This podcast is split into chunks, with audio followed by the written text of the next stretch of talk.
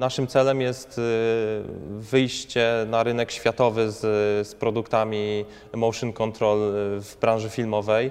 E, Motion control to, jest, to są wszelkiego rodzaju urządzenia jak roboty i inne podzespoły, inne urządzenia mniejsze, które mogą z tym robotem współpracować. Stwierdziliśmy, że zaoferujemy gotowy system, no i przy pomocy takich klocków będzie można realizować bardzo skomplikowane ujęcia w filmie. No i czegoś takiego na rynku w ogóle jeszcze nie ma.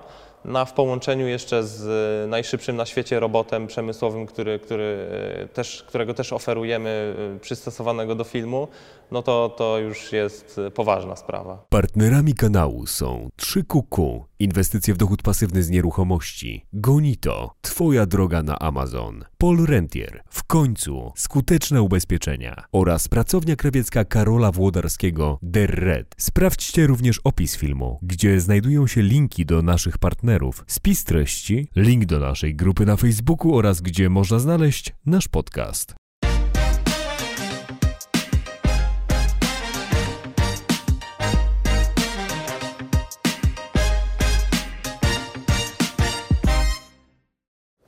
Bartku, czym jest Blackfish? Blackfish że dzisiaj mogę określić jako e, grupę marek, bo w tym kierunku idziemy, żeby, żeby przekształcić e, każdą z tych marek docelowo w spółki. E, Na chwilę obecną mamy trzy marki. E, Mamy Blackfish Studio, e, to jest produkcja filmowa, to jest dom produkcyjny. Mamy markę Alan Blackfish, to jest produkcja sprzętu filmowego, bardzo już teraz w wąskiej dziedzinie motion control, o czym pewnie za chwilę powiemy. No i mamy też markę Glass, czyli te lampy, są to lampy loftowe, ale też estradowe. No, taki kierunek, który gdzieś tam po drodze nam się, e, nam się przytrafił. Mhm, to teraz rozwijając te wątki, jak to się w ogóle zaczęło? Bo z tego co wiem, jesteście bardzo silną marką nie tylko na rynku lokalnym, ale również ogólnopolskim i zbudowaliście to w stosunkowo krótkim czasie. Więc czy mógłbyś troszeczkę właśnie więcej szczegółów powiedzieć o tym oraz zachować pewną chronologię pokazującą, na Okej. jakich etapach powstawały poszczególne marki, które wymieniłeś? E, Więc y, no, zaczęliśmy, zaczęliśmy najpierw od studia filmowego e, razem z Andrzejem, e, jednym z moich e, wspólników e, aktualnych. E, I, no i zaczęliśmy od branży, branży filmowej, od produkcji filmowej. Zauważyliśmy, że na rynku jest nisza, żeby robić produkcje filmowe. No to było ładnych kilka lat temu. E, Wtedy zaczęły się czasy, kiedy kamery zaczęły się miniaturyzować. Każdy, każdy mógł zacząć e, robić filmy i, i zobaczyliśmy, że jeszcze nie ma tylu firm realizujących wideo, więc jest okazja, żeby, żeby w to wejść. Natomiast gdzieś w tle cały czas przyświecał nam cel, że będziemy produkować sprzęt filmowy. Wiedzieliśmy, że branża usługowa jest no, no, br- branżą trudną, bo, bo szyje się pod każdego klienta, a jednak produkcja sprzętu to jest coś, co możemy wyskalować, e, możemy z tym wyjść na cały świat, no z usługą również. Natomiast no tutaj skala, skala zdecydowanie to było to coś, co, co e, nas e, gdzieś zaraziło, żeby to robić. No i też pomyśleliśmy, że sprzęt filmowy to też jest coś, co może powstawać z naszych rąk i, i może to cieszyć po prostu kogoś, kto, kto będzie, będzie go, tego sprzętu używał. E, Poza tym czujemy, że, że mogliśmy, czuliśmy na, na tamten moment, że jesteśmy w stanie zbudować zespół, który, który będzie w stanie e, stworzyć na tyle innowacyjny sprzęt, żeby konkurować z, ze światowymi liderami. E, Więc to jest Alan Blackfish. No i mamy jeszcze Glass Custom Lights, czyli markę związaną z produkcją lamp. E, Tutaj właśnie e, ta lampa e, stanowi element dekoracji przy wszystkich wywiadach z gośćmi specjalnymi festiwalu Camera Image w tej przestrzeni, w której się właśnie znajdujemy. No i Glass to jest marka, e, pod którą e, występują na razie dwa modele lamp.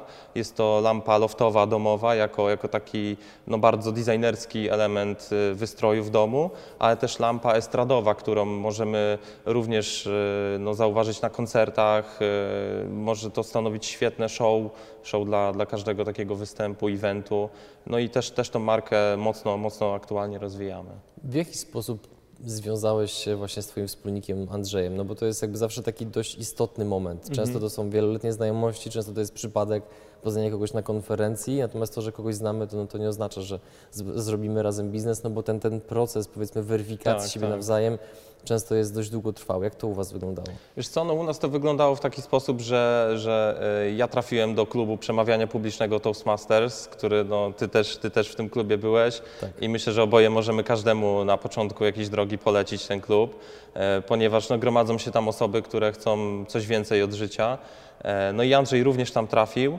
E, On tam trafił z klubu Asbiro z kolei, e, ponieważ no, e, ma też, ma też firmę w innej branży, w branży elektrycznej, ale gdzieś na Asbiro przesiąknął tym, że, e, że potrzeba jest robienia więcej, czegoś więcej niż, niż tylko jedna firma.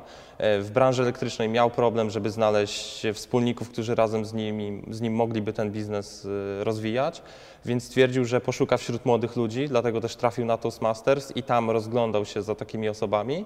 No i tam się poznaliśmy. Poznaliśmy tam się jeszcze z dwójką naszych już byłych wspólników. Razem zaczęliśmy, zaczęliśmy produkcje filmowe pod inną marką. E, Później doszło właśnie do rozstania. E, Stwierdziliśmy z Andrzejem, że, że nie porzucamy tematu, ponieważ bardzo dobrze nam się dogaduje, mamy wspólne wartości i stwierdziliśmy, że, że stworzymy nową markę. Tak powstał właśnie Blackfish. E, No i ze względu na fakt, że szukaliśmy w tym momencie, cały czas rozglądaliśmy się za fajnymi osobami, z którymi moglibyśmy e, rozpocząć produkcję sprzętu filmowego.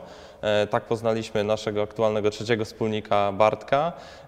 No, on śmieje się, że gdyby nie poszedł na hamburgera podczas TEDx Bydgoszcz, no to nie poznałby nas, bo, bo tam e, e, zauważyła go fotograf, która z nami współpracuje na co dzień. Więc no, to jest taki zbieg ciekawych okoliczności. Natomiast pamiętam pierwszą rozmowę e, naszą wspólną, moją Andrzeja i Bartka z jeszcze jednym wspólnikiem, którego już też z nami nie ma, z Leszkiem. No, siedzieliśmy razem na kanapie i od razu czuliśmy, że, że to jest to flow, że, że jest wspólna energia do robienia wielkich rzeczy. Mhm.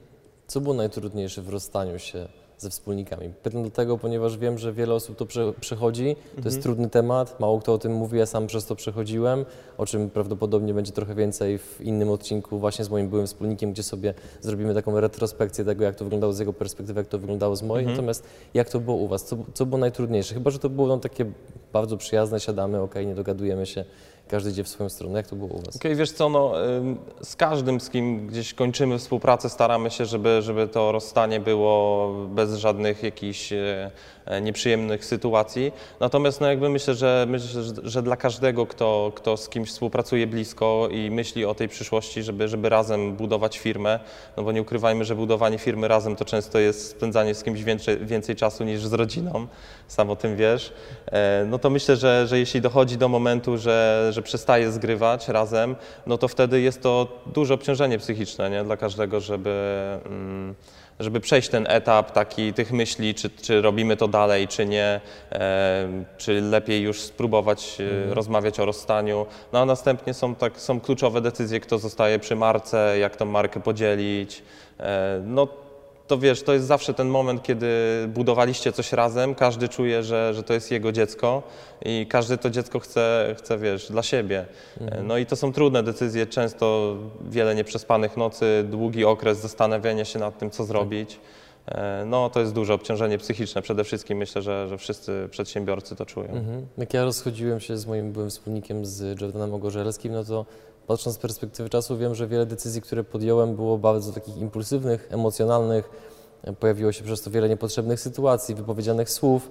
I jakby no, to mnie nauczyło tego, że w tego typu sytuacjach naprawdę warto dać sobie czas, żeby ta głowa jednak ostygła, żeby te słowa ważyć, ostrożnie dobierać, bo pomimo, że wtedy wszystko było naostrzone, że to teraz no, kilka dni temu piliśmy razem herbatę, tak? Więc jakby mm, to wszystko gdzieś tam ostatecznie powiedzmy tak trochę okrzepło, no i jak już każdy zajął się powiedzmy swoimi sprawami, to można normalnie porozmawiać jak ludzie, natomiast no, to była dla mnie taka naj, najmocniejsza nauczka, że jednak tych emocji było zbyt dużo. Natomiast czy ty zapamiętałeś coś szczególnie, By- być może jakąś, nie wiem, złe zachowanie z twojej strony, jakiś zły ruch, coś, co było niepotrzebne, czego cię nauczyło to rozstanie? Ciężko powiedzieć, wiesz. e, Znaczy, myślę, że tak, że, że y, ciężko jest wtedy zapanować nad emocjami i myślę, że jako przedsiębiorcy ogólnie się tego uczymy, bo to jest nasza taka droga, y, gdzie, gdzie w biznesie nie możemy się do końca kierować tymi emocjami, trzeba wszystko oceniać e, bardzo chłodno, e, często bardzo chłodno. E, Wiadomo, że emocje no, muszą się pojawiać, bo nie można też tego robić totalnie bez emocji. Wiesz co, no ja tą decyzję chyba podjąłem jako pierwszy, żeby wyjść, wyjść z, z tego, że, że nie będę tego po prostu z nimi robił razem. Myślę, że to była emocjonalna decyzja, ale gdzieś czuję, że, że te emocje często dobrze mną kierują i, i dlatego też takie decyzje nawet, nawet dzisiaj podejmuję. Mhm. Kieruję się gdzieś intuicją, też o tym ym, ostatnio chyba było w jednym z Twoich wywiadów o intuicji.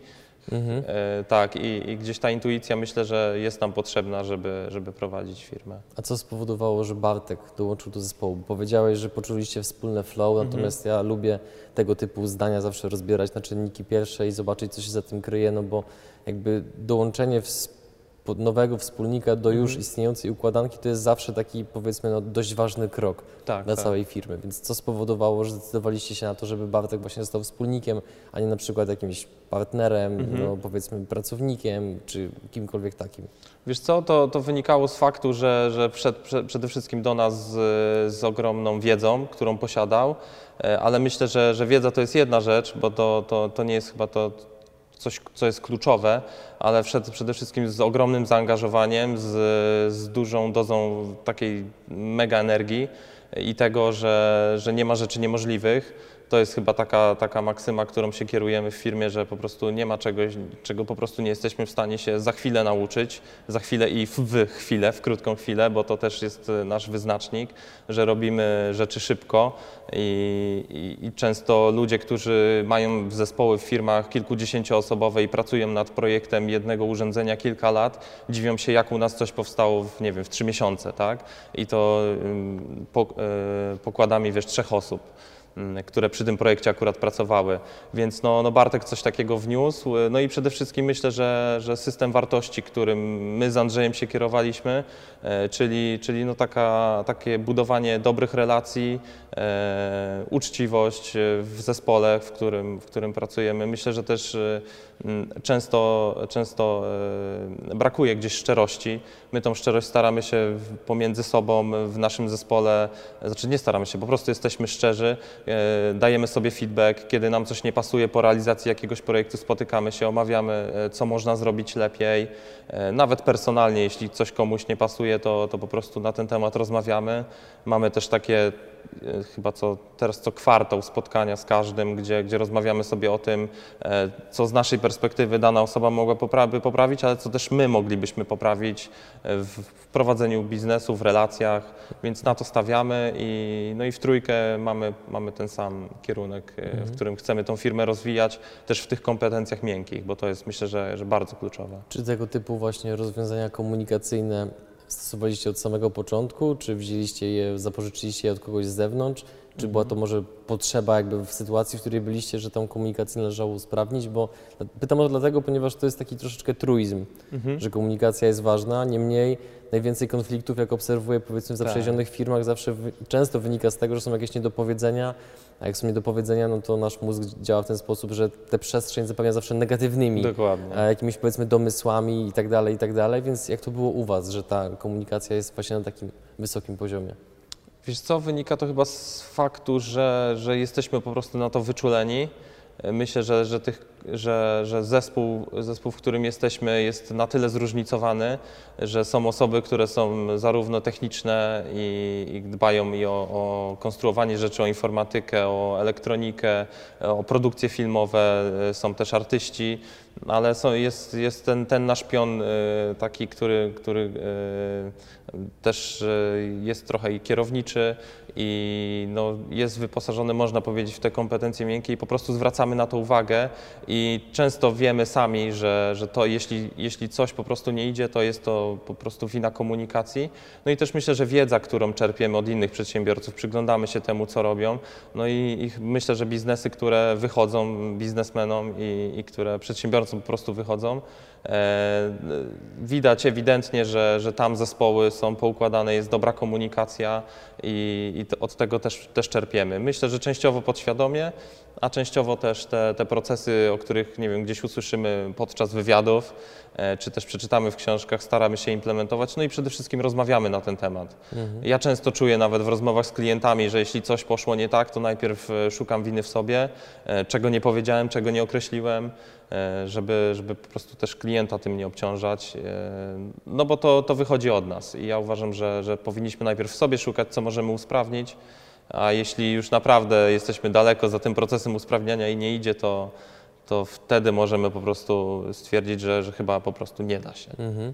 Wczoraj miałem okazję rozmawiać na żywo e, z Arturem Jabłońskim, który akurat prowadzi swoją e, agencję social media i tak właśnie zeszliśmy między innymi na temat e, spraw wizerunkowych, PR-owych i powiedział mi, że kiedyś razem ze swoim znajomym ukuli takie prawo, które się w 100% sprawdza i oni nazwali to prawem dziadostwa. A mianowicie, że jak jest jakaś firma, która nam się wydaje z zewnątrz fantastyczna, to trzeba przeważnie odjąć połowę w tym, tym, w tym wizerunku. i jakby tutaj e, M- Mówię to, ten wstęp po to, żeby zadać Ci pytanie, co jest Waszą piętą Achillesa, nad czym pracujecie, co jest jakby nie do końca działające tak, jak powinno, no bo też to, jest, to, to pytanie też wynika z tego, że wiadomo, że jak mówimy tylko i wyłącznie o rzeczach dobrych, to one nie są wiarygodne, bo ryca na Tak, lakierze tak, prawdopodobnie zawsze jest. A no i często też jest tak, że w tych takich miejscach, które są tą piętą Achillesa, kryje się największy potencjał i przedsiębiorcy bardziej doświadczeni wiedzą, że poukładanie tych elementów spowoduje, że biznes może wskoczyć na kolejny Mhm. poziom. Jak to jest u Was? Wiesz co, y, myślę, że y, realizacja projektów, staramy się coraz bardziej zmniejszać ilość tych projektów, nad którymi pracujemy w danym momencie, bo jest ich, jest ich dużo, kiedyś było ich chyba z trzy razy więcej, e, bo no, y, przyznam szczerze, że osoby, z którymi działamy razem w teamie są bardzo płodne w pomysły i, i gdziekolwiek po prostu przyglądamy się temu, co robią, co robi konkurencja w naszej branży, to po prostu zaraz nam się, się gdzieś tam zapalają żarówki, że można to zrobić inaczej, można to zrobić lepiej, więc te próby konstruowania kolejnych prototypów sprzętowych y, często jest ciężko zahamować, ale to uczymy się tego i myślę, że idzie nam to coraz lepiej. Więc no, zarządzanie projektami to jest bardzo trudna rzecz, myślę, że w każdej firmie i to jest trochę nasza pięta achillesowa. To, co czujemy, że też jest naszą słabością, to marketing i sprzedaż, e, głównie ze względu na fakt, że po prostu brakuje na to środków e, i brakuje też osoby, która mogłaby się tym kompetentnie zająć. Wiemy i mamy o tym przeświadczenie, że produkujemy sprzęty, które są e, po pierwsze na chwilę obecną w świecie bardzo rzadko spotykane. Staramy się oferować, nawet nie oferujemy rozwiązania, które są innowacyjne. No i brakuje tutaj po prostu nam jeszcze rozmachu działania w marketingu i sprzedaży. No i na tym temacie, nad tym tematem cały czas myślimy, jak go rozwijać. E, Pocieszający jest fakt, że pomimo małych nakładów w tym temacie e, jest nami duże zainteresowanie tym, co robimy, e, nie tylko właśnie w Polsce, ale też, też wśród branży całej ogólnoświatowej, również dzięki festiwalowi Camera Image. No, myślę, że te trzy rzeczy, czyli zarządzanie projektami, marketing, sprzedaż, to są no, kluczowe rzeczy i, i pracujemy nad nimi cały czas. Mhm.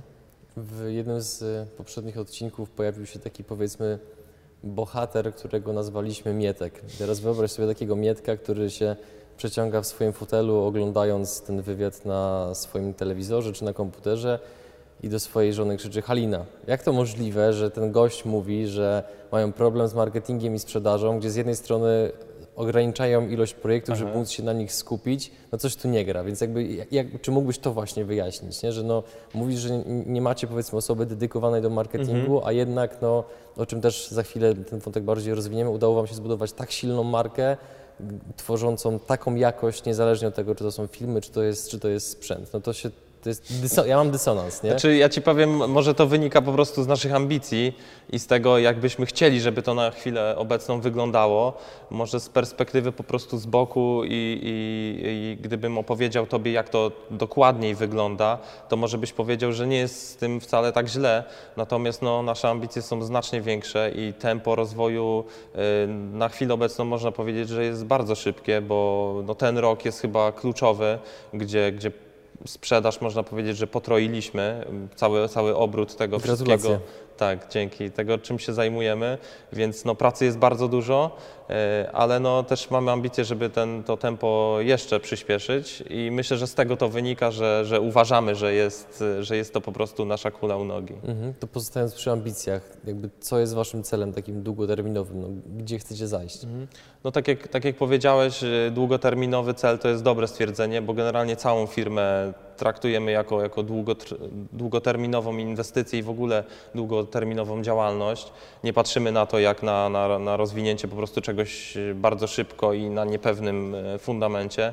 Dlatego wszystko, co robimy, musi mieć, musi mieć mocne podwaliny.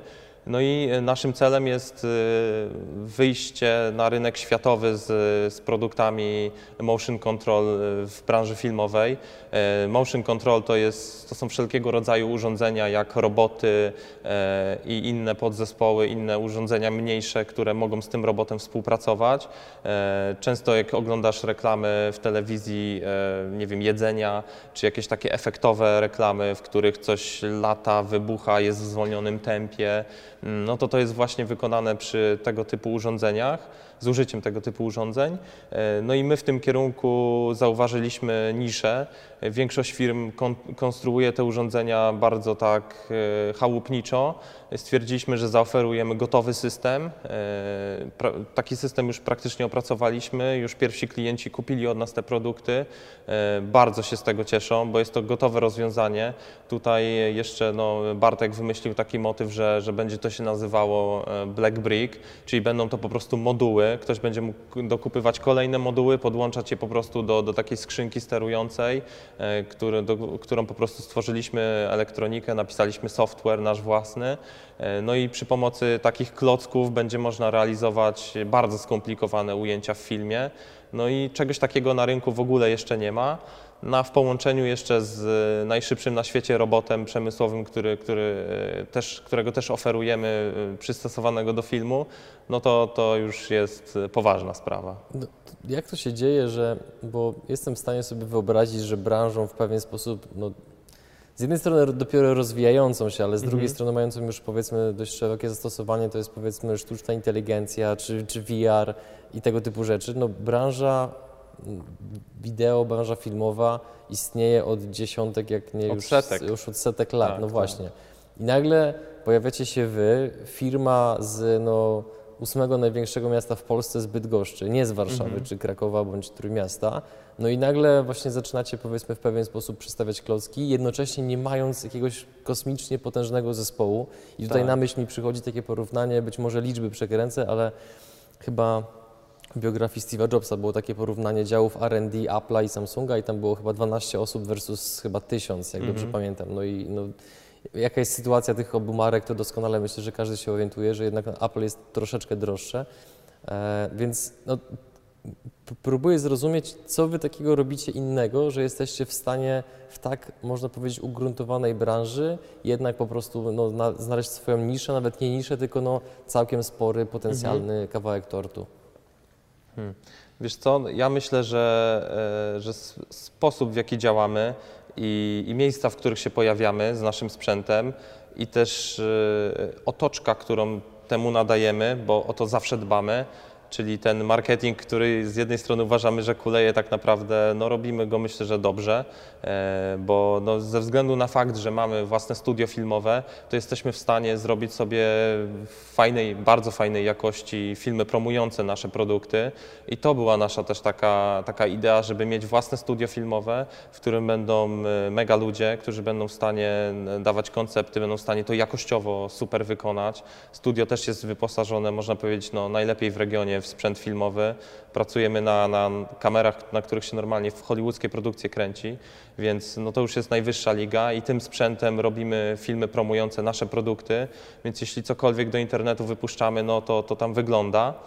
E, No i myślę, że, że branża filmowa na chwilę obecną, tak jak mówisz, rozwija się, e, ale to, co my robimy, to jest już sprzęt no, z wysokiej półki, bardzo drogi. E, Natomiast wiemy, że w świecie jest na niego duże zapotrzebowanie, bo, bo jest to nisza. Do branży dopiero zaczyna wpływać kapitał, bo słyszy się o tym, że firmy takie jak Amazon, e, czy też e, w ogóle Arabia Saudyjska, cały Dubaj, bardzo duże pieniądze właśnie pompują w branżę filmową, więc na rynku zaczyna się pojawiać kapitał, zaczynają te produkcje filmowe być robione z większym rozmachem. No i tak jak mówisz jeszcze o sztucznej inteligencji, no to tutaj jest kwestia tego typu, że zobacz jak technologia 3D przyjęła się w filmie. Nie jest, nie jest to wcale tak szybki rozwój, jak, jak mogłoby się wydawać, ponieważ film jednak no, cieszy się tą klasyką. Jednak ten, ludzie lubią na ten obraz patrzeć w taki sposób, jak jednak go wymyślono e, no, no, tam 100 lat temu i, i przez te dziesięciolecia, które, przez które się rozwijał, to jednak ten film w takim klasycznym wydaniu 2D bardzo się cieszy i myślę, że będzie nadal się cieszył e, tą formą. E, I tak samo jest z efektami specjalnymi, które, które się realizuje. Jest oczywiście 3D i tutaj no, w tym temacie rendery i w ogóle filmy i animacje, które się tworzy są bardzo naturalne. Natomiast e, wykonanie wszystkich ujęć w technice rzeczywistej przy, przy pomocy sprzętu no, daje trochę inne poczucie, e, gdy ktoś to po prostu ogląda i to, to nigdy po prostu nie umrze i to będzie się rozwijało myślę, że jeszcze szybciej i, i nikt się tutaj nie zachłyśnie nagle ani 3D, ani, ani takimi efektami specjalnymi, po prostu ten wytwór naturalny ma takie, ma, ma fajny smak. Jestem w stanie zrozumieć, kiedy ktoś wprowadza nowy produkt na rynek, który nie jest powiedzmy jakoś super mocno skomplikowany pod względem technicznym, technologicznym. Mhm. Ja na przykład w tej chwili, nie, nie, nie wiem dokładnie kiedy ten wywiad będzie opublikowany, może, Okej. może to już na rynku będzie, ale w tej chwili z jedną wspólniczką akurat taki właśnie produkt e-commerce'owy z branży odzieżowej wypuszczamy. No i jakby w porównaniu do tego, co ty mówisz, to ten nasz produkt konstrukcyjnie wydaje mi się, nie chcę powiedzieć, że banalny, ale no Mhm. bardzo prosty, tak? No bo tam się składa powiedzmy z, ze skończonej liczby elementów, która jest dość niewielka. Natomiast jak się tworzy produkt taki, jakby wy chcecie sprzedawać, no bo to, to są, to, no to jest, zakładam, duża inwestycja kapitałowa, to są Tak, tak. e, no, rozwiązania techniczne, które mogą działać, a mogą zawieść. To też trzeba mieć pod to konkretnych odbiorców, którzy, którym też nie jest każdy, tylko za, zakładam, że firmy, powiedzmy, bądź klienci z określonym poziomem portfela Mhm. i tak dalej. Więc jakby jak się do tego podchodzi, nie mając jednocześnie pełnego pampersa? Wiesz co, no, nie jest to łatwe. Yy, Dlatego też, też to, o czym powiedziałem, wydaje nam się, że to jest po prostu wolno, bo no, yy, na chwilę obecną yy, wszystkie prototypy i wszystkie urządzenia takie pierwsze na sprzedaż realizowane są z naszych własnych środków, więc yy, często jest problem po prostu z przepływem kapitału. Radzimy sobie z tym, ale nie pozwala nam to szybko rosnąć, na tyle szybko, jakbyśmy chcieli. E, Staramy się też pokazywać z tym sprzętem, tak jak mówiłem, w różnych miejscach, tak jak chociażby tutaj na festiwalu Camera Image, gdzie nie dość, że współpracujemy już na chwilę obecną z liderami branży światowej, e, z firmami takimi jak Ari, Red, e, no może to, to nikomu nie mówić, ale oni robią po prostu najlepsze na świecie kamery filmowe, najlepszy na świecie sprzęt filmowy, to my z nimi po prostu jak równy z równym współpracujemy, pokazujemy się tutaj, jesteśmy widoczni, oni zwracają uwagę na nasz sprzęt. E, No też e, odbyliśmy tutaj przez ten tydzień wiele rozmów z reżyserami z całego świata, którzy no, byli pod wrażeniem tego sprzętu. E, Myślę, że pierwsze projekty już takie globalne będą niedługo w realizacji. Będziemy po prostu do tego dążyli. I myślę, że no na chwilę obecną e, działamy po prostu partyzancko, bo, bo na, tyle nas, na tyle nas stać. Natomiast no, nie ukrywam, że dopływ kapitału byłby tutaj e, czymś, co. Znaczy, myślimy o tym przede wszystkim i to by nam pomogło się rozwijać, e, też pewnie powiększyć zespół o kolejnych specjalistów i, i wtedy byłoby to znacznie szybciej. No a dzisiaj e, myślę, że, że to, co robimy, to jest po prostu zbiór bardzo utalentowanych ludzi, którzy są w stanie szybko, szybko te, te wszystkie rzeczy tworzyć. Mhm. Do ludzi za chwilę przejdziemy, natomiast Mhm. poruszyłeś wątek właśnie kapitału i zakładam, że jakiegoś potencjalnego inwestora. No i właśnie, czy moglibyśmy o tym troszeczkę więcej porozmawiać? No bo jednak e, czasami wręcz już słyszy się żarty o tym, że startupy przychodzą z pomysłem na kartce i głównym celem jest w ogóle Mhm. pozyskanie inwestora. Tak. Natomiast wy jesteście firmą, która działa, która ma zespół, która ma swoje produkty, swoje realizacje. No jesteście takim, no, można wręcz powiedzieć, że jesteście takim gotowym produktem, tak? no, który, który po prostu można wyskalować na e, dużo większy poziom, więc jakby czy poszukujecie inwestora, a jeżeli tak, to Mhm. jakby jakiego dokładniej, czego byście potrzebowali oprócz Okej. być może samego kapitału, bo kto wie, być może będziemy mieli część drugą przyjemnej historii, która jest związana z naszym programem, mianowicie jeden z naszych gości pozyskał inwestora i to na całkiem e, przyjemną kwotę, ale szczegóły kiedy indziej. Okej. Jak to jest u Was? Wiesz co, no, y, dojrzeliśmy do tego, że, że inwestor jest nam potrzebny, bo wiemy, że no, wyjście na rynek światowy jest e, ogromną inwestycją. E, Po drugie, no, produkty, które, tą gamę produktów, którą teraz już zawęziliśmy i, i chcemy ją tworzyć e, w już w konkretnym kierunku, no to tutaj prototypowanie jest bardzo drogie, bo to, to idzie po prostu o kwoty w setkach tysięcy, e, nawet w milionach, więc e, no, takie, takie środki są potrzebne na wyjście na rynek światowy i stworzenie produktów, które po prostu będą gotowe, żeby od, od tak je sprzedać, no to są kolejne po prostu już miliony, możemy tutaj o takich kwotach mówić. E, Jakiego inwestora poszukujemy? Myślę, że świadomego, bo, bo też tak firmę budujemy, czyli chcemy, chcemy znaleźć osobę, która nie tylko da kapitał i po prostu będzie liczyła na zysk, tylko też e, wniesie coś, coś do naszej firmy, e, będzie w stanie podzielić się z nami swoim doświadczeniem biznesowym, swoją wiedzą, e, no i będzie miała takie same wartości jak my, czyli przejrzystość, szczerość, e, gdzieś zaufanie. E, No zaufanie oczywiście się buduje, natomiast że e, no takie, takie cechy, Mhm. które, które będą po prostu nam odpowiadały. Myślę, że, że w ten sposób inwestycja będzie, będzie dopiero miała taki, Mhm. taki fajny potencjał i, i, i będzie korzystna. To pokuśmy się o spojrzenie w kryształową kulę. Jesteście dzisiaj w miejscu X, pojawia się Mhm. inwestor i gdzie jesteście za rok, albo za dwa, albo za trzy lata? Zakładam, że podczas rozmów z inwestorem takie pytania i tak padają, więc no, Mhm. może porozmawiamy o tym teraz przed kamerą. Wiesz co, y, myślę, że, że jeśli pojawi się kapitał, jesteśmy w stanie być bardzo szybko obecni na rynkach zagranicznych, y, Stany Zjednoczone, Europa Zachodnia. y, Mhm. Bardzo duży potencjał jest w, rynk, w rynkach arabskich, bo tam też, też jest ogromna potrzeba. E, No myślę, że Chiny, śmiało możemy, śmiało możemy wyjść. No nie mamy tutaj w ogóle jakby ograniczeń takich myślowych. A nie E, też żadnych kompleksów chyba. żadnych co, kompleksów. Co też nie jest wbrew pozorom takie typowe i naturalne dla Polaków, którzy no Tak. jednak wielu z nas wciąż tak ma takie trochę podejście, że to co jest za granicą to jest lepsze, większe, droższe, Dokładnie. a często się okazuje, że jak robimy sprawdzam, no to jednak Tak. okazuje się, że na wielu płaszczyznach jesteśmy po prostu lepsi. Wiesz co, no tutaj, tutaj, tak jak mówisz, dla nas jest teraz taka ogromna potrzeba, żeby pokazać się po prostu na, na e, targach branżowych, tych najbardziej kluczowych, największych, odbywających się na, na kluczowych kontynentach. E, jeśli tam się pokażemy z naszym sprzętem, a no to są już drogie wyprawy, żeby, żeby przewozić roboty e, i, i inne urządzenia, żeby tam pojechać na tydzień. E, jeśli bylibyśmy w stanie w rok obskoczyć po prostu kilka takich kluczowych wydarzeń na targach, no to myślę, że, że to da bardzo ogromny impact. I tak samo jest jednak z tym marketingiem internetowym, żeby tutaj włożyć bardzo dużo pieniędzy w internet, bo no to po prostu daje efekty. Widzimy to po tym, chociażby jak to teraz robimy, no to wiemy, że jeśli byśmy to po prostu kilkusetkrotnie zwiększyli, bo przy takim kapitale można to tak zrobić, no to, to też e, efekty byłyby no, o wiele, wiele Mhm. większe. Jak Wam się udało zbudować taki zespół, biorąc pod uwagę, że mamy taki no, wszystkim znany w tej chwili rynek pracownika, gdzie pracowników jest trudno, a o dobrych pracowników to już jest w ogóle super trudno.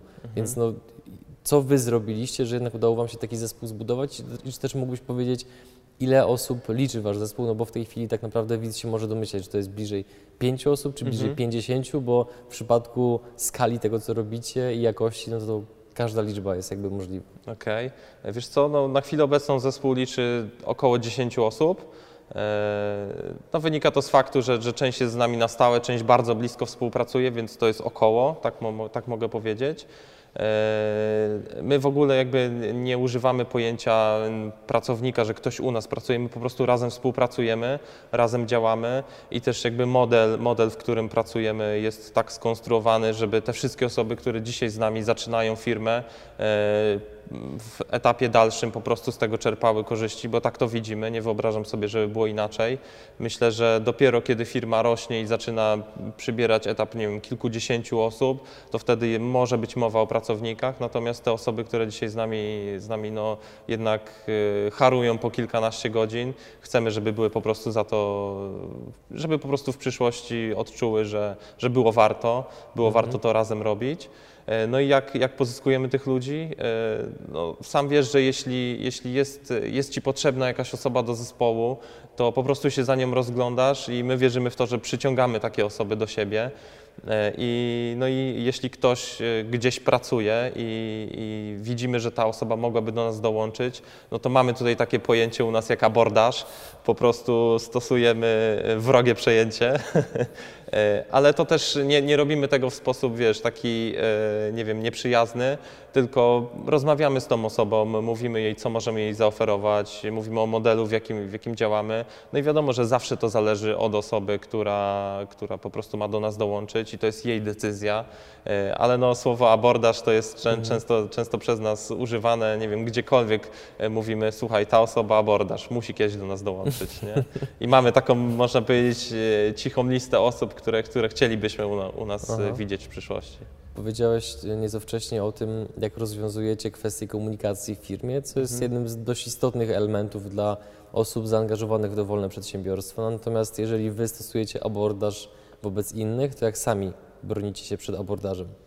Co takiego robicie, że jednak no, o, te, o, ten odpływ tych dobrych ludzi no, jest niewielki albo w ogóle nie istnieje? Okej, wiesz co? y, Wierzę, wierzę w to, że nie, wiem, czy tak jest, to trzeba byłoby tych osób spytać, ale wierzę w to, że po prostu e, każdy, kto z nami współpracuje, widzi, że ma to potencjał, że ma to ogromny potencjał, żeby urosnąć, no bo jednak rzeczy, które robimy są, są innowacyjne, są nietypowe, są mega zajawkowe.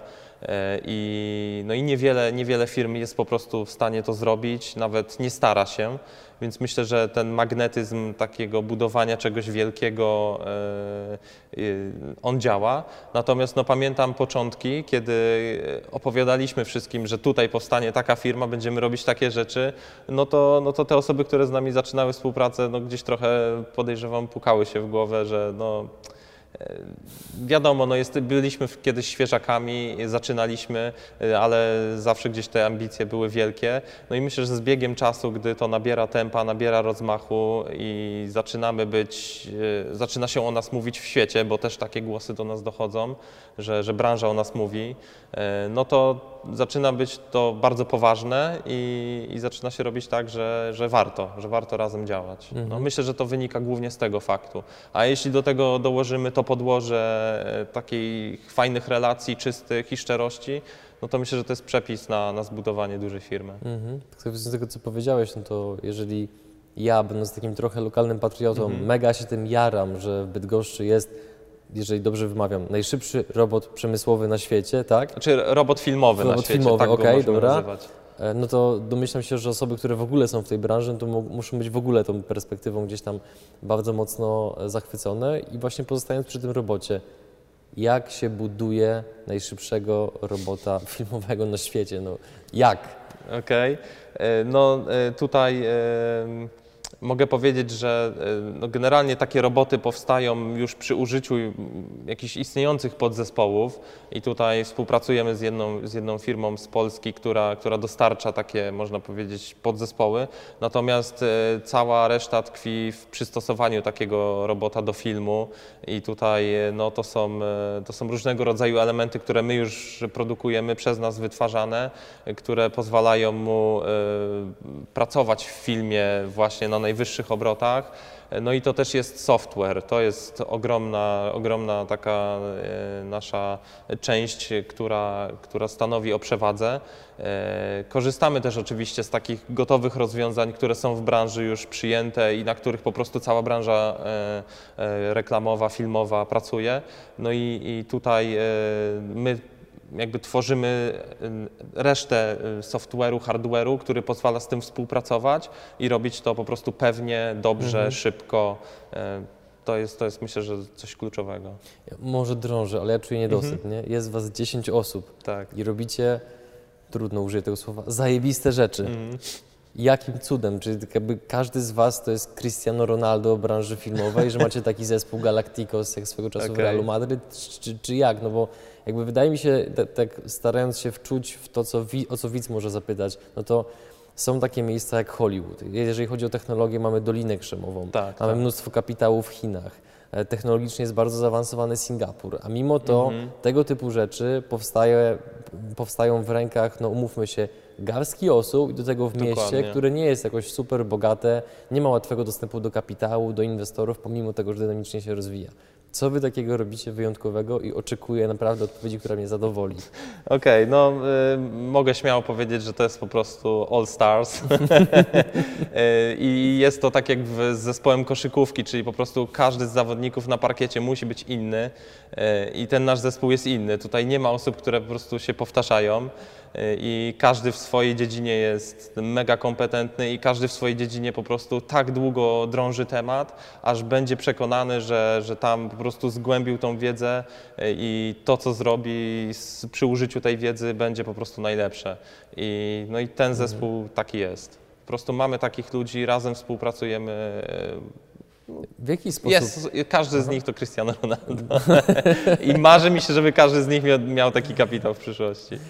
A to być może dojdzie do tego, że wywołacie tak zwany efekt Ronaldo, jak było, jak to się do Juventusu przeniósł, tak? Że tam kosztował ileś pieniędzy, Dokładnie. a Fiat zyskał na samej giełdzie półtora miliarda euro na wartości, ale to e, abstrahując od tego, e, mam jakby pytanie dotyczące tego, skąd w takim razie w waszym zespole taka w pozytywnym tego słowa znaczeniu obsesyjna ciekawość, ponieważ jak o tym opowiadasz, to mi się przypomina, jak czytałem biografię Elona Muska, gdzie tam jego znajomi się wypowiadali na jego temat, że on od najmłodszych lat kierował się tym, że jak jakiś temat go zainteresował, to po Tak, prostu był tak. w stanie przeczytać wszystko, co ten temat jest, dotrzeć do wszystkich możliwych źródeł wiedzy i tam właśnie też była taka anegdota, że jak e, przed rozpoczęciem SpaceX, no to właśnie starał się szukać wszędzie informacji na temat budowy rakiet, co mówmy się, no, nie jest raczej Tak. prostą rzeczą, więc właśnie jak wy podtrzymujecie w, sobie, w was tą ciekawość, która powoduje, że jesteście w stanie dojść do takiego poziomu zaawansowania, jeżeli chodzi o waszą branżę?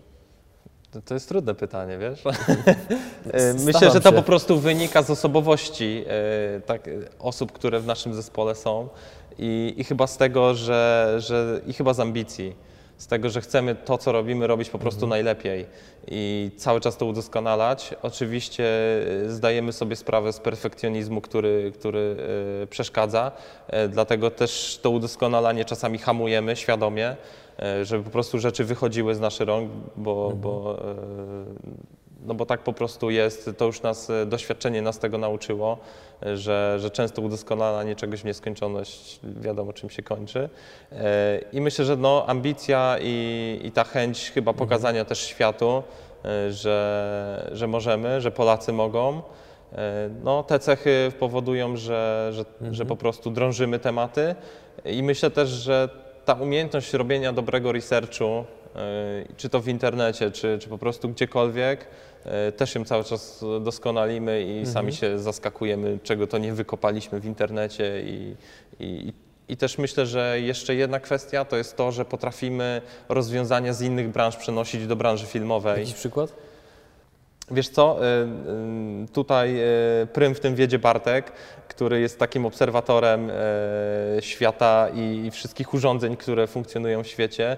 I nie wiem, często nas zaskakuje czymś, że jakiś element użyty w motocyklu można przenieść po prostu do filmu i zrobić z niego jakąś wyrzutnię czegoś, tak? Y, No to są, to są tego typu rozwiązania i, i często po prostu zastanawiamy się o co chodzi, albo mówi, że jakiś amortyzator, e, nie wiem, z samochodu włoży tu i to będzie po prostu mega działało. I implementuje te rzeczy, składa te często klocki, które mógłbyś pomyśleć, że ze sobą nie zagrają w całość i z tego powstaje urządzenie, które, które naprawdę jest, wiesz, jest, jest mega. Dobrze, to już Cię nie męczę o to. Prze, prze, przejdźmy dalej, bo jakby no, żyjemy w czasach, gdzie z jednej strony wciąż jest bardzo taka Silna komunikacja dotycząca tego multitaskingu, pomimo Mhm. że już wielokrotnie zostało udowodnione- w badaniach naukowych, że to nie jest prawda.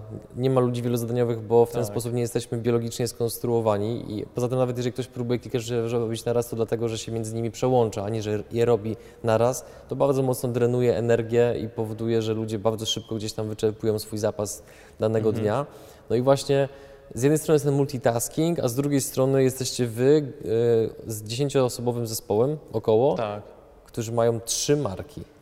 Jak dzielicie zasoby intelektualne, ludzkie, energetyczne, finansowe, Mhm. żeby no, każdą z tych rzeczy robić dobrze? No bo tak, widziałem wasze produkcje filmowe, są świetne. Widziałem robota na Dzięki. żywo w waszym studiu, jest genialny, chcę w ogóle zobaczyć jak na żywo on będzie wyglądał, w sensie Mhm. Okej. już powiedzmy w ruchu, a nie tylko jak, no, jak, jak powiedzmy wygląda technicznie. E, te lampy no, są tak ładne, że w swoim mieszkaniu sam taką chciałbym mieć i no, to jest pewne, że Okej. będę miał, nie? No i to, to jak- jakby pracujecie po 22 godziny na dobę, czy e, outsourcujecie to do Chin, do, Okej. zażartuję, małych chińskich rączek, czy, czy, czy jak? Wiesz co, no, pracujemy bardzo dużo, po kilkanaście Mhm. godzin, często nawet kilkadziesiąt godzin na dobę. No i jak to dzielimy? Myślę, że tutaj e, jest to często, wiesz, taka, taka praca, że przeskakujemy po prostu z marki na markę.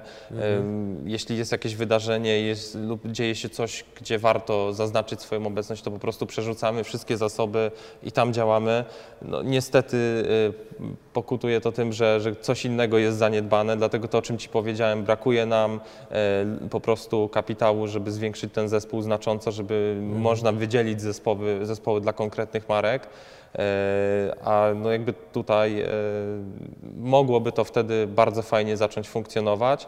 Natomiast no, sam się dziwię, jak to, jak to powstaje. Myślę, że, że po prostu e, no, ta ilość, ilość pracy, którą w to wkładamy i no, Mhm. to bardzo, bardzo fajnie działa, że, że te marki się tak rozwijają. Nie macie czasami takiego uczucia, że się tak troszeczkę zatykacie, w sensie, że wiesz, robi się wąskie gardło, bo ludzie są zmęczeni, czasu brakuje i tak dalej. no Mamy jednak- często, wiesz, myślę, że to jest... No właśnie, no to jak sobie z tym radzicie i czy jesteście w stanie, no bo jakby wiesz, ten taki moment mm, jakby tego wąskiego gardła to jest często coś takiego, jak powiedzmy, że niektóre osoby czują, że zbliża im się migrena, nie? I czy Mhm. wy jesteście w stanie zaobserwować, że ten moment tego właśnie zmęczenia materiału się zbliża i jakoś mu zapobiegacie? Myślę, że, że na początkowej drodze przez pierwsze jakieś tam, tam lata e, były takie momenty, ja sam osobiście je miewałem. E, Wynikało to z tego, że po prostu no, wiele rzeczy nie wychodziło, bo to był proces nauki, a teraz, gdy, gdy zaczynają powstawać rzeczy, które mają sens, no to, to takich momentów już praktycznie nie ma, wiesz, to, to bardzo buduje, kiedy z naszych rąk wychodzą rzeczy, które po prostu ludziom w świecie się podobają, e, no to, to, powoduje, że nawet jeśli brakuje energii, to po prostu chwilę odpoczywamy i dosłownie chwilę, jeden dzień i lecimy dalej z tematem. Tutaj nie ma czasu na rozczulenia, na nie wiem, na jakieś słabości. Po prostu działamy, ciśniemy, motywujemy się do tego wzajemnie, po prostu dajemy sobie tą energię. E, No i cały zespół tak działa, więc myślę, że to też jest kluczowe, że tutaj nie ma osób, które, które nie wiem, przychodzą i, i obniżają energię zespołu, tylko razem po prostu dajemy z siebie wszystko. No. Mhm. Właśnie powiedziałeś o tym, że popełnialiście błędy w początkowym, w początkowym etapie, więc czy mógłbyś o tych błędach trochę więcej powiedzieć? Być może który z nich był najbardziej spektakularny, Tak, albo taki, taki. który był najbardziej żenujący, no bo myślę, że każdy czegoś takiego doświadczył, budując firmę, produkt, usługę, Tak. e, nieważne. I to jest jedna część pytania, a druga, która się też z tym wiąże, jakie w ogóle macie podejście do pomyłek w waszym Mhm. zespole? Czy to traktujecie bardziej jako zasób, kapitał, czy bardziej jako taki powiedzmy balast i, i jak, jestem ciekaw po prostu, jak do tego podchodzicie. Okej, wiesz co, no to tak, y, z takich pomyłek to przychodzą, y, z takich błędów przychodzą, spektakularnych przychodzą mi dwa na, na myśl. Pierwszy to, to utopienie e, sprzętu filmowego o wartości 60, około 60 tysięcy złotych w wodzie, w rzece. I to E, nie była dobra impreza, rozumiem. E, Nie, to nie była dobra impreza. Pamiętam jak dziś, wiesz co, to były Mistrzostwa Świata w przechodzeniu przez rzekę w, na jakiejś tam wysokości 15 metrów, ludzie chodzący po lin, na linie. E, My tam rozwiesiliśmy swój prototyp właśnie wózka filmowego, rozwieszony również na linie, e, bez backupu, czyli taka, taka wiesz, błąd, błąd szkolny typowy. E, No i e, Bez backupu, czyli nie było żadnych co? nie było dodatkowej liny, która, Okej, która okej. nie byłaby e, w korelacji z silnikami, które byłyby, były w stanie przetrze, przetrzeć po prostu linę, Mhm. Więc musiała być jedna lina, która, na której po prostu jest luźna rolka i w razie gdy przeciera się lina z silnikami, no to ten przedmiot, te, ten sprzęt jeszcze wisi na czymś dodatkowo. E, Nie było takiej liny, sprzęt pracował właśnie nad wodą, nad rzeką. E, Zdarzyło się tak, że wóz, wóz transmisyjny chyba TVN-u stanął po prostu naprzeciw, tego nie zauważyliśmy, miał ogromną antenę na dachu, zakłócił fale radiowe naszego e, kontrolera, e, który, który, z którego sterowaliśmy tym wózkiem. No i wózek wpadł w bardzo szybkie obroty, przetarł linę, e, spadł do wody. Ja pamiętam to jak dziś, e, że, że e, e, tłumy ludzi, które stały na moście, po prostu rozniosło się takie uuu, to, to po prostu dzisiaj w uszach jeszcze cały czas brzmi. E, Druga rzecz to e, utrata danych w komputerze naszego wspólnika Bartka. Po prostu dysk odmówił posłuszeństwa i utraciliśmy dane. I, I projekty, które miał, zostały z nich tylko screeny, więc odtwarzanie projektów, bardzo żmudny proces. E, Dzisiaj no, bez backupu już nic nie robimy, ani bez backupu sprzętowego, kiedy cokolwiek, e, nad czymkolwiek działamy, bo sprzęt, z którym współprac- sprzęt, którego używamy, no, jest bardzo niebezpieczny, jeśli nie ma się odpowiednich systemów zabezpieczeń. No i tak samo z danymi. Jesteśmy już na to uczuleni, mamy, mamy dyski NAS, y, backupujemy dane, pracujemy tutaj, to bardzo to staramy się, się tego pilnować, żeby, żeby to wszystko było zbackupowane. Mhm. Tak, tak. To ta druga część pytania, jakie macie podejście do popełniania błędów? A, podejście. E, ostatnio przeczytałem coś bardzo fajnego e, odnośnie popełniania błędów w branży lotniczej. E, tam, e, nie wiem czy o tym słyszałeś, jest taki model, że jeśli pilot e, ma jakąś awarię samolotu lub po prostu popełnił jakiś błąd, jeśli zgłosi ten, ten błąd e, odpowiedniej komisji w przeciągu 14 dni, Tak. tak, to chyba od ciebie Metoda nawet. czarnej skrzynki, to chyba w tej książce było. Nie wiem, Tak. czy, nie wiem, czy to przeczytałeś, ale w Okej. niej to było na pewno. Widziałem gdzieś po prostu screen czegoś takiego, że oni mają na to taki model, że jeśli Tak. ten błąd zostanie e, przekazany do komisji, to, to jest cenione, a ten pilot w żaden sposób nie jest tym obciążany. no prawda. i my mamy taki, taki sam model, czyli, czyli te błędy po prostu traktujemy jako, jako lekcje yy, i myślę, że tutaj popełnianie błędów jest traktowane w taki sposób, że, że zdarzyło się, e, wyciągamy wnioski i udoskonalamy. A jeszcze a propos tego robota, co wpadł do rzeki, to mieliście jakieś ubezpieczenie, czy to po prostu była kasa, która parowała? Wiesz co, no, y, częściowe ubezpieczenie, a część po prostu poszła w straty I, i to było też kosztowne, bo na początku, wiesz, funkcjonowania firmy zrobić takiego faila, Tak, no spektakularna sprawa, tak. okej. To zbliżając się w takim razie powoli do końca, czego nauczyło Cię te ostatnich kilka lat w związku z biznesem? Wiesz co, y, przede wszystkim myślę, że, że dojrzałem do tego, żeby to robić. Y, Myślę, że potrzebowałem też uwierzyć w to. Y, Często jak rozmawiam z przed- z przedsiębiorcami, którzy prowadzą firmę kilka lat, to, to ta początkowa ich droga była taka, że, że nawet często nie wierzyli do końca w to, co robią. W sensie mieli bardzo dużo momentów zwątpienia, o może, bo tak to jest lepiej nazwać.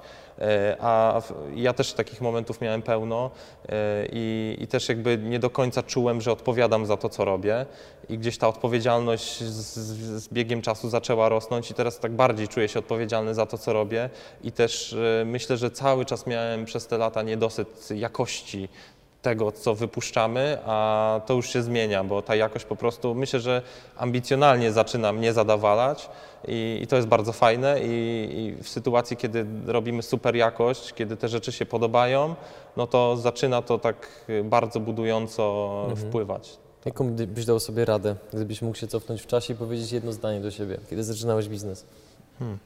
Ciężkie pytanie, jaką radę. Dziękuję, to robić, komplement dla mnie. robić rzeczy z rozmachem, e, bez, bez patrzenia na to, jak wychodzą. Myślę, że to jest, to jest taka rada. Często po prostu coś nam nie wychodzi i sami chyba umniejszamy temu. E, I tak, jeśli, jeśli mógłbym, mógłbym sobie dać radę, to nie umniejszać po prostu temu, temu co się robi. Bo ja, ja pewnie tak, tak mm, robiłem, już teraz, teraz też pewnie jeszcze tak robię, ale w znacznie mniejszym stopniu. A często, gdy, gdy ktoś patrzy na to z boku, mówi, że to jest wow, a ja, a ja widzę w tym, wiesz, to, to, to, to co jest pod spodem i, i często temu umniejszam. Nie umniejszaj temu, co robisz. To jest ta rada, rób to po prostu i dodawaj temu jak największą otoczkę, że to jest wow. Super. Dziękuję Ci bardzo za rozmowę. Dzięki wielkie.